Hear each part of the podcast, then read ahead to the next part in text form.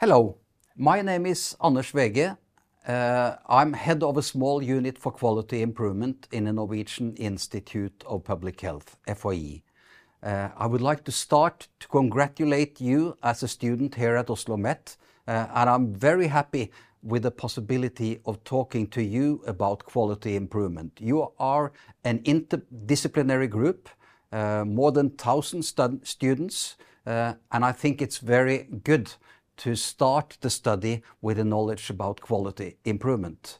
So I also work here at Oslo Met, and I work with these three uh, approaches in a combination. I think you're going to meet these three uh, models during your uh, study. You're going to hear about quality improvement here today. You're going to hear about knowledge translation, implementation science, Uh, and you're going to hear about evidence-based practice. How do we find the right uh, knowledge uh, for the service we're going to create in healthcare? But let's take one step back. Why is this so important? Why is quality improvement so important? Take a look at this. Do we live longer? Yes, we live longer. We live much longer. And is it years to life, or is it life to years when we live longer and longer and longer? And we know about the uh, challenges with a growing elderly population. Look at this. You see at uh, Y, the health, the level of health, and X is the years of life. How long do we live? So we know we're going to live longer, as I said. Will it look like, like this? Will health fall down at a lower level, uh, or could we actually manage to bend the health bow uh, to create better health all the way to the end of life? That is a challenge for healthcare. So it means a lot because it defines two quite different uh, scenarios. When is the need of care debut coming? Is it at the first bow, or is it because we have made it possible to bend the health bow together with our patients? If you would like to see a little film about this, you can see at the link you see here in in the slide. And here is a little bit more about the aging uh, uh, challenge.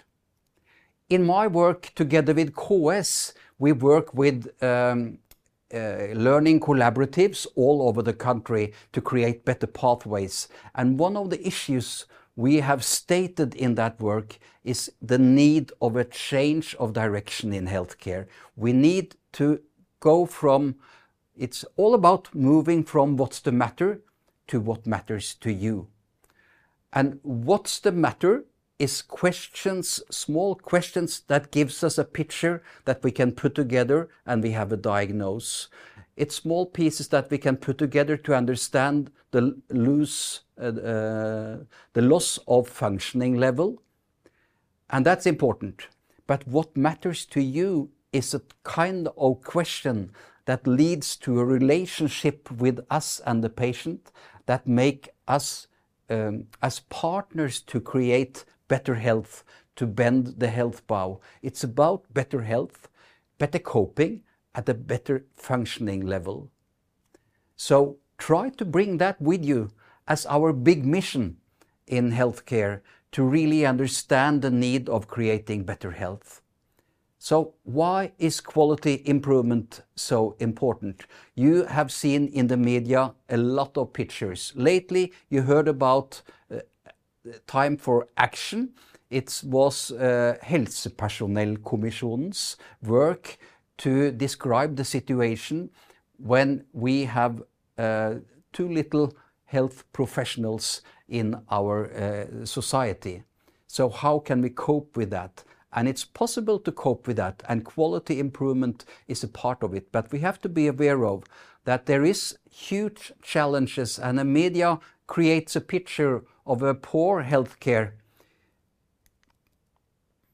Maybe some of you saw these uh, um, uh, programs on NRK the last winter. So why quality improvement is so important to create better health coping and a level of function for our patients and users, and to uh, respond to complaints from users, patients, and or the relatives. Uh, data shows maybe lack of quality, errors in treatment in hospitals and municipality, and there is a new guideline that you maybe want to introduce in your ward, in your organization. There is a frustration maybe about problems or errors among staff and there could be unwanted variation. Sometimes there is a variation in the quality that is unacceptable. So, this is why. But how? Mind the gap you hear if you go to the subway in London, and that is to be aware of the gap between where we stand and where we want to come. And we want to share with you now a method that can really keep you moving from where you are to where you want to go. Mind the gap. Method for quality improvement looks like this. It's based on Deming's circle, which maybe some of you have heard about, plan, do, study, act. But plan, do, study, act is without any details. So it's easy to agree, but hard to do, hard to understand.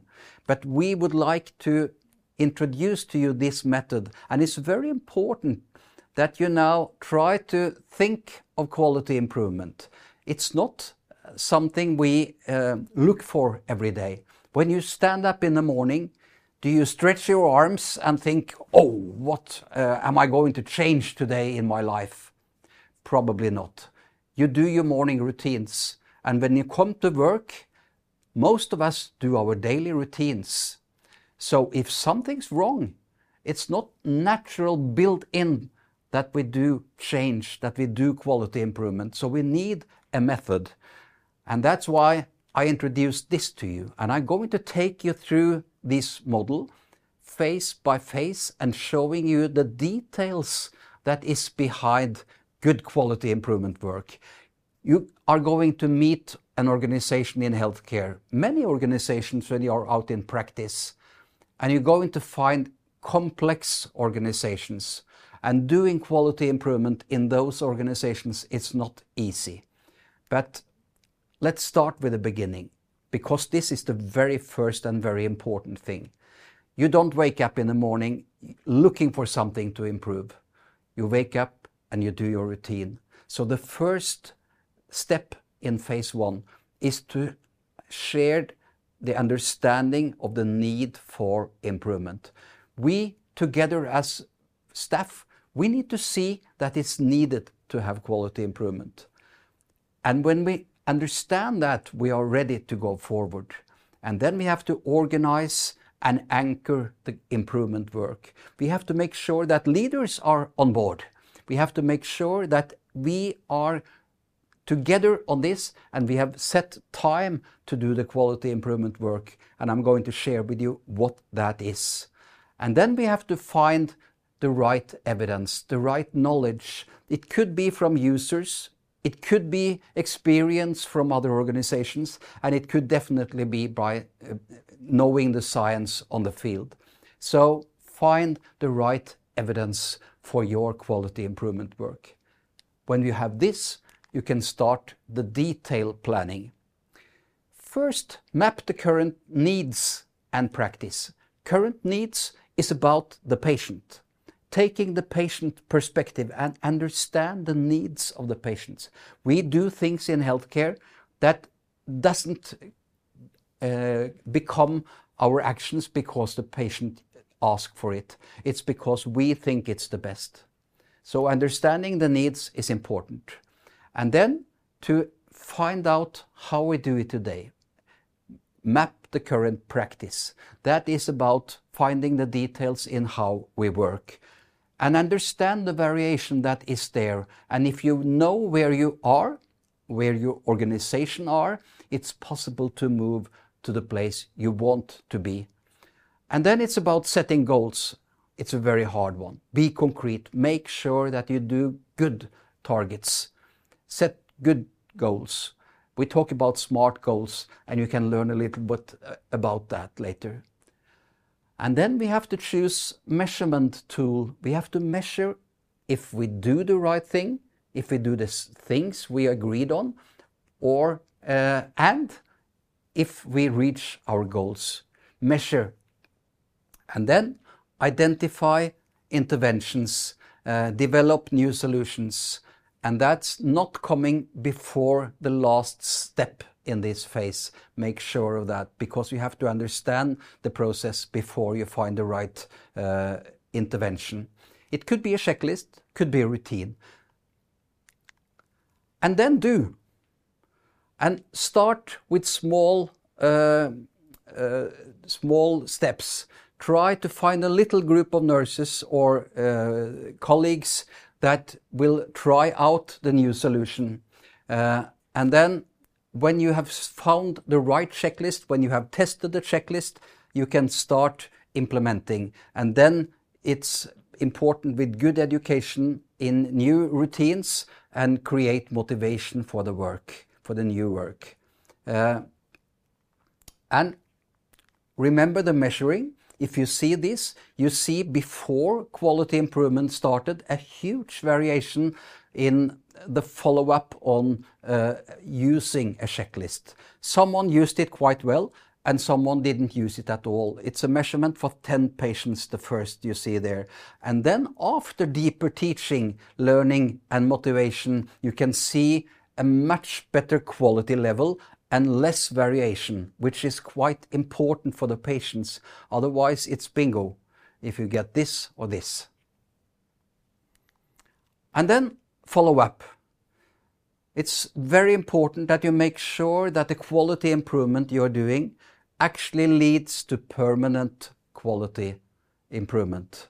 It's very often project improvement, and then it's in the start you're motivated, and in the project program you're motivated, but when the project ends, you start with something new, and then you lose the quality improvement, which is not good. So we have to try to keep steady, and there is some steps you can learn about when it comes to continuous quality improvement.